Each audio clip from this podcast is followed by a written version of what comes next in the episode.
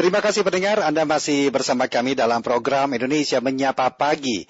Dan selamat pagi bagi Anda yang baru saja bergabung di pagi hari ini. Dan seperti biasa nanti akan kami hadirkan sesi dialog layanan kesehatan. Dan topik pada, atau tema yang akan kami bahas dalam pagi hari ini adalah urgensi teknologi kesehatan di masa pandemi COVID-19. Narasumber yang akan berbincang bersama dengan kami adalah Dr. Levina Chandra Ko MPH dari Departemen Departemen IKK. Dan nanti pun Anda dapat bergabung atau berinteraksi bersama dengan narasumber kami melalui telepon di 021 352 3172 atau di 021 384 4545 serta 021 3866712 dan melalui pesan WhatsApp pun juga dapat Anda sampaikan berupa pertanyaan di 081 399 399 888.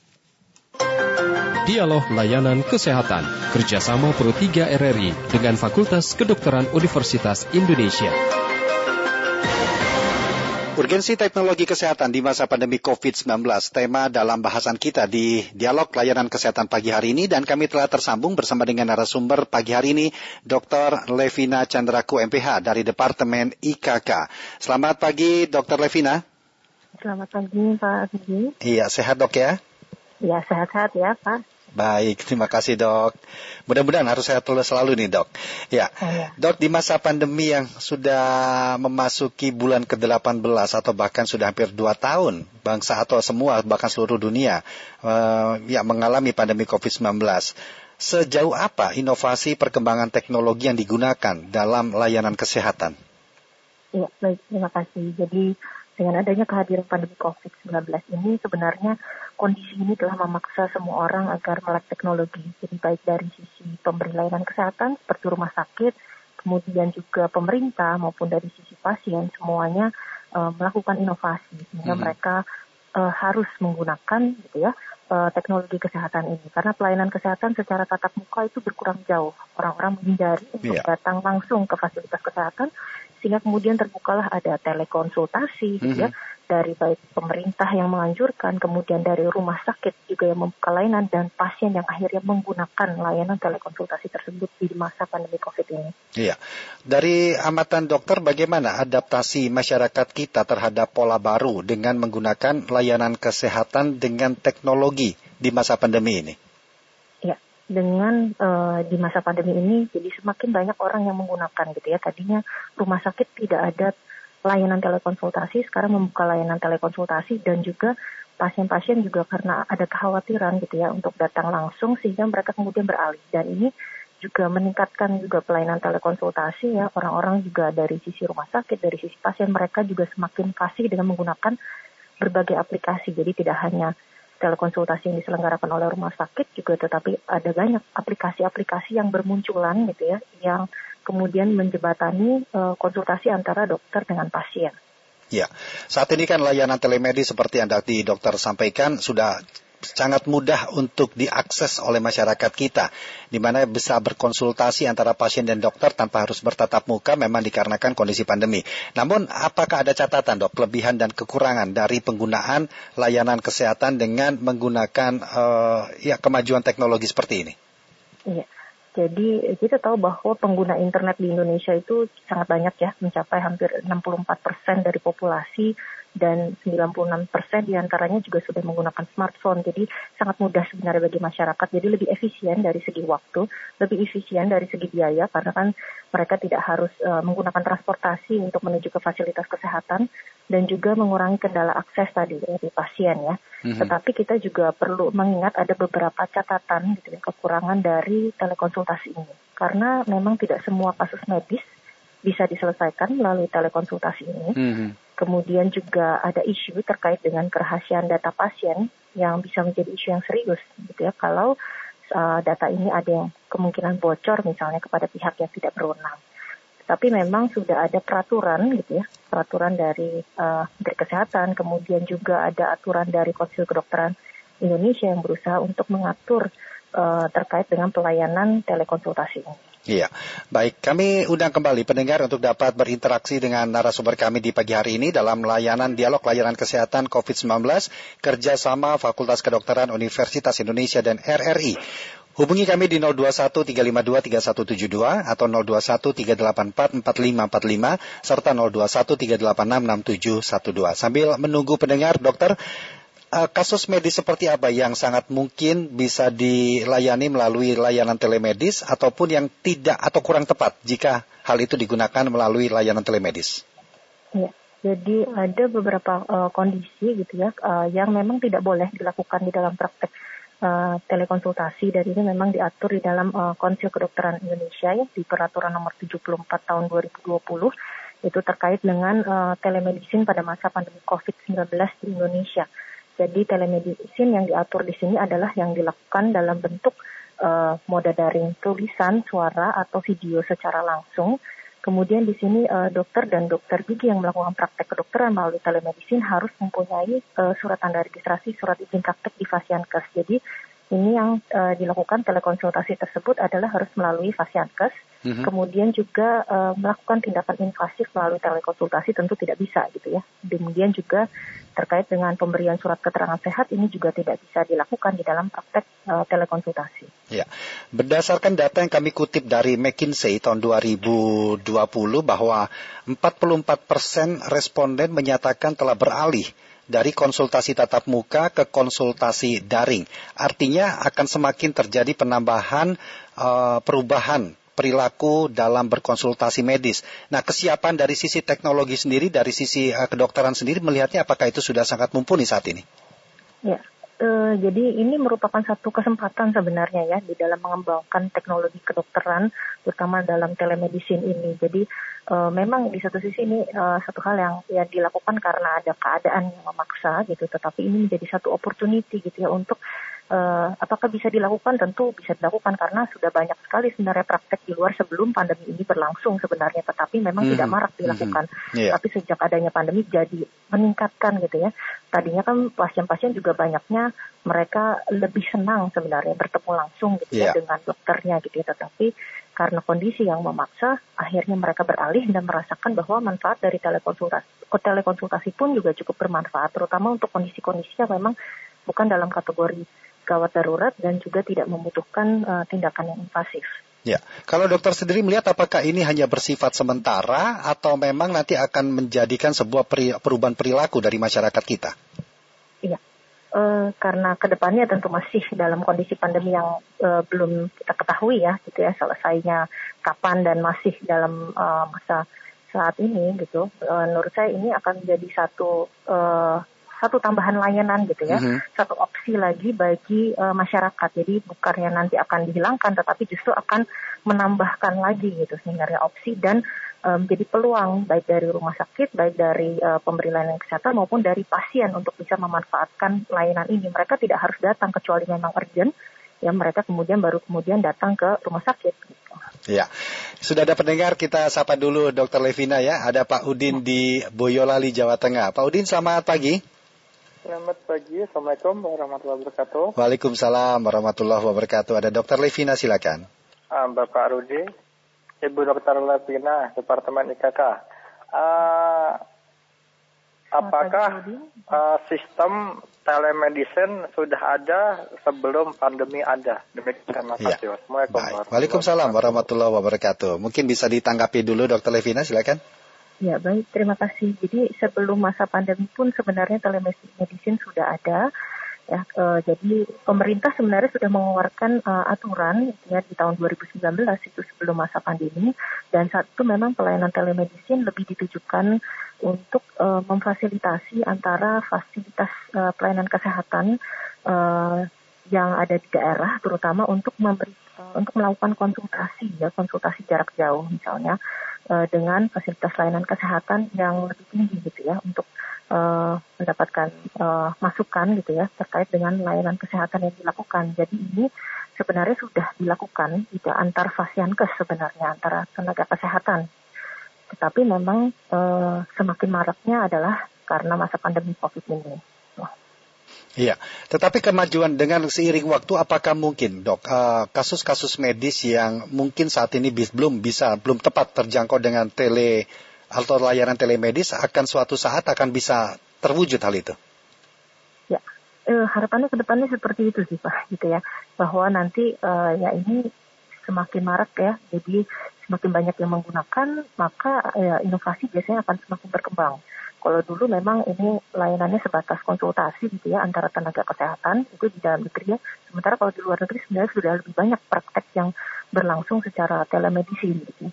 Dan uh, kepercayaan orang akan semakin meningkat gitu ya. Kalau dulu kan mungkin belum terlalu ada ya, belum terlalu percaya gitu dengan uh, telekonsultasi ini, tetapi sekarang semakin banyak yang menggunakan, semakin banyak orang yang percaya, dan mm -hmm. ini akan menggeser nantinya uh, akan pelayanan ini bertambah menjadi yeah. layanan telekonsultasi, kemudian layanan mungkin uh, tele ultrasonografi, teleradiologi dan lainnya. Ya, saat ini kan sudah banyak sekali dok ya orang bisa mengakses layanan telemedis dan apakah memang perlu kita mencari tahu layanan telemedis seperti apa yang tepat atau yang cocok untuk kita gunakan? Ya, baik. Jadi uh, tentu akan ini akan bergantung pada kondisi kesehatan kita ya, kondisi yang uh, dari sisi pasiennya terkait dengan kondisi kesehatan yang dia membutuhkan telekonsultasinya seperti apa gitu ya, uh, terkait dengan kondisi penyakitnya seperti apa, kemudian ketersediaan dari fasilitas kesehatan tersebut. Gitu. Dan ini uh, justru menjadi opsi yang sangat baik gitu ya, terutama orang-orang yang sulit mendapatkan akses ya di fasilitas kesehatannya sekitarnya mungkin, tetapi kemudian dia bisa menggunakan telekonsultasi tersebut melalui aplikasi yang sekarang ber, banyak tersedia dan dia bisa mendapatkan penanganan yang segera gitu. Dibandingkan dia harus menunggu misalnya uh, menghabiskan waktu yang lama ketika dia harus datang ke vaskes di sekitarnya yang uh, mungkin ramai. Ya, silakan pendengar di 0213523172, 0213844545, 0213866712. Apakah Anda saat ini sudah uh, terbiasa atau sudah mencoba dengan konsultasi medis melalui layanan uh, ya layanan medis atau telemedis seperti itu yang sudah banyak sekali bisa kita akses. Dokter Levina sebelum kita lanjutkan mohon izin untuk kita break sesaat saja untuk mengikuti informasi singkat yang akan disampaikan pada saat ini. Nanti akan kita lanjutkan kembali perbincangan ini. Ya, dan baik dan pendengar kami ajak Anda untuk menuju ruang gatekeeper kami untuk menemui rekan saya Yusuf yang akan menyampaikan informasi. Yusuf, informasi apa yang akan disampaikan? Ya, terima kasih Rudi. Sebagaimana kita tahu, saat ini telah memasuki musim penghujan. Nah, pendengar, hujan disertai angin kencang terjadi di beberapa titik di daerah Depok, Jawa Barat pada Selasa kemarin sore. Peristiwa ini menyebabkan sejumlah pohon tumbang, salah satunya di jalur satu stasiun Depok, yang mengakibatkan perjalanan kereta api listrik atau KRL pun sempat terganggu. Dari info lalu lintas adanya pohon tumbang di jalur satu tersebut masih dalam proses evakuasi. Perjalanan kereta api menunggu aman untuk melintas. Nah, begitu dalam tweetan akun Twitter @komuter lain seperti dilihat kemarin sore oleh kami. Selain hujan disertai angin di wilayah Beji, Depok juga bahkan sempat terjadi fenomena hujan es. Peristiwa ini pun ramai dibicarakan oleh netizen di media sosial. Pendengar, untuk informasi aktual dan faktual lainnya, Anda bisa mengakses di laman website kami di rri.co.id. Kembalikan Rudi. Ya, artinya kita uh, perlu untuk berhati-hati ya dengan adanya perubahan cuaca yang seperti saat ini dan hal ini juga terjadi Yusuf dan juga pendengar tidak hanya di beberapa wilayah di wilayah Jabodetabek tetapi juga di luar Pulau Jawa pun kerap terjadi. Betul sekali ya, Rudi. Paling tidak kita harus berhati-hati. Baik demikian tadi informasi yang disampaikan rekan saya Yusuf dari ruang gatekeeper. Kita lanjutkan kembali dialog layanan kesehatan masih bersama dengan Dr. Levina dari Departemen IKK. Halo dokter. Ya, halo, ya. ya. Baik, dok. Tadi kan dikatakan bahwa saat ini masyarakat yang beralih atau merubah perilaku mereka dari konsultasi tatap muka, kemudian menggunakan layanan telemedis. Nah, dari sisi tenaga medisnya sendiri, bagaimana? Apakah sejauh mana kesiapannya untuk bisa uh, ya berkomunikasi melalui hal yang baru ini? Ya, baik. Terima kasih uh, Pak Rudi untuk pertanyaan. Jadi sejauh ini dari sisi eh, dari sisi uh, dokter atau dari sisi pemberi layanan kesehatan ini juga semakin marak ya. Kalau misalnya dilihat rumah sakit kemudian banyak juga yang membuka layanan telekonsultasi ini. Kemudian dokter-dokter juga semakin banyak juga yang uh, fasih dengan menggunakan teknologi kesehatan ini. Mereka menggunakan uh, WhatsApp gitu ya, mereka menggunakan aplikasi-aplikasi uh, yang memudahkan untuk berkonsultasi. Bahkan akses pun bisa dibuka sampai 24 jam gitu ya. Mm-hmm. Ada juga yang membuka uh, kan mereka bisa menyertakan dari pukul berapa sampai pukul berapa dan ini aksesnya sangat mudah sekali. Yeah. Jadi mereka bisa meluangkan uh, di mana waktu mereka yang uh, tidak melakukan praktek uh, tatap muka, mereka bisa menggunakan fasilitas dengan layanan telekonsultasi ini. Ya. Jadi justru lebih terjangkau, lebih mm -hmm. baik lebih dekat aksesnya kepada pasien. Ya. Biasanya kalau kita melakukan konsultasi secara tatap muka, kan kita akan diberi resep obat oleh dokter yang bersangkutan, dokter Levina ya. Nah, apakah hal ini juga sangat memungkinkan dilakukan dalam layanan telemedis? Iya. Uh, jadi saat ini justru banyak ya aplikasi-aplikasi yang sudah menggabungkannya juga dengan uh, nantinya uh, layanan telekonsultasi ini tetap sama berlangsung. Jadi harus ada pencatatan data juga dari sisi dokternya, kemudian juga harus memberikan peresepan obat juga dan ini juga akan terkait dengan aplikasi tersebut. Jadi biasanya sudah mhm. ada yang tergabung, sudah ada resep uh, yang diberikan secara elektronik ya kepada pasien. Jadi sama halnya ya berusaha untuk uh, ya serupa dengan konsultasi pada umumnya. Yeah. Dan saat ini apakah memang sudah bisa menjangkau bahwa layanan telemedis itu mencakup dengan catatan medis seseorang atau riwayat medis seseorang? Ya, betul. Jadi tetap memang ini diharuskan gitu ya bahwa pasien-pasien yang berobat melalui telemedicine itu tetap harus di uh, mereka harus memberikan konsen ya, memberikan persetujuan dari sisi pasien, kemudian dari sisi dokter tetap juga harus menuliskan atau mencatat rekam medis gitu ya e, sebagai catatan e, terkait dengan pasien tersebut itu memang sudah e, sudah diatur gitu ya bahwa itu memang harus dilakukan oleh tenaga medis. Ya, kalau dari pengalaman Dokter Levina sendiri bagaimana me, ya me, memahamkan pasien dalam pola komunikasi yang baru ini? Belum tentu semua uh, orang akan bisa memahami dengan cepat apa yang disampaikan melalui konsultasi jarak jauh ini. Iya, betul. Jadi uh, ini mungkin kesulitannya adalah di dalam komunikasi ini kan ada yang komunikasi mungkin ada yang video. Kalau untuk video mungkin lebih mudah gitu ya karena hmm. kita tetap yeah. Ya. uh, ber, uh, bertatap muka. Nah ini kebanyakan dari uh, rumah sakit biasanya mereka membuka telekonsultasi dengan video call. Tetapi ada juga yang beberapa aplikasi yang memanfaatkan dengan mode tulisan atau chat gitu ya.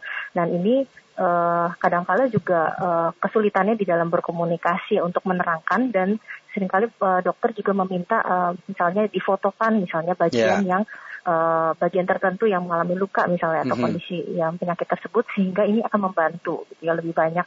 Tapi kalau memang di, uh, dinyatakan bahwa oh kondisi ini kayak menuju kepada yeah. kegawatan darurat maka akhirnya di uh, dirujuk juga ke fasilitas layanan kesehatan terdekat. Ya. Apa saja dok umumnya yang ditanyakan uh, pasien melalui layanan telemedicine ini?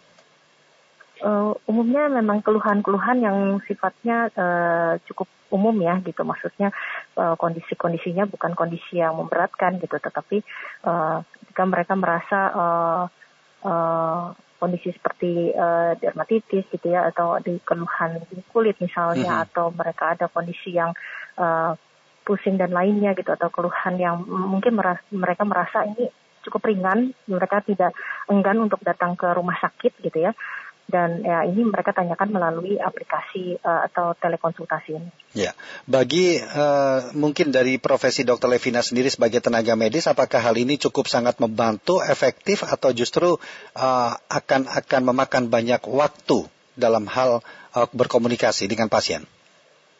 Oh, menurut uh, kalau menurut saya pribadi ini justru sangat membantu ya gitu. Karena pasien-pasien juga semakin mudah gitu aksesnya gitu terhadap dokter. Dan dari sisi dokter juga sendiri ini uh, cukup mudah gitu. Karena kita juga men, uh, melihat bahwa pasien-pasiennya itu yang datang ke rumah sakit ya memang adalah pasien yang uh, membutuhkan tindakan gitu ya. Jadi pasien-pasien yang memang uh, tidak uh, tidak urgent gitu ya, mereka bisa ditangani secara langsung gitu dengan melalui telekonsultasi ini. Iya.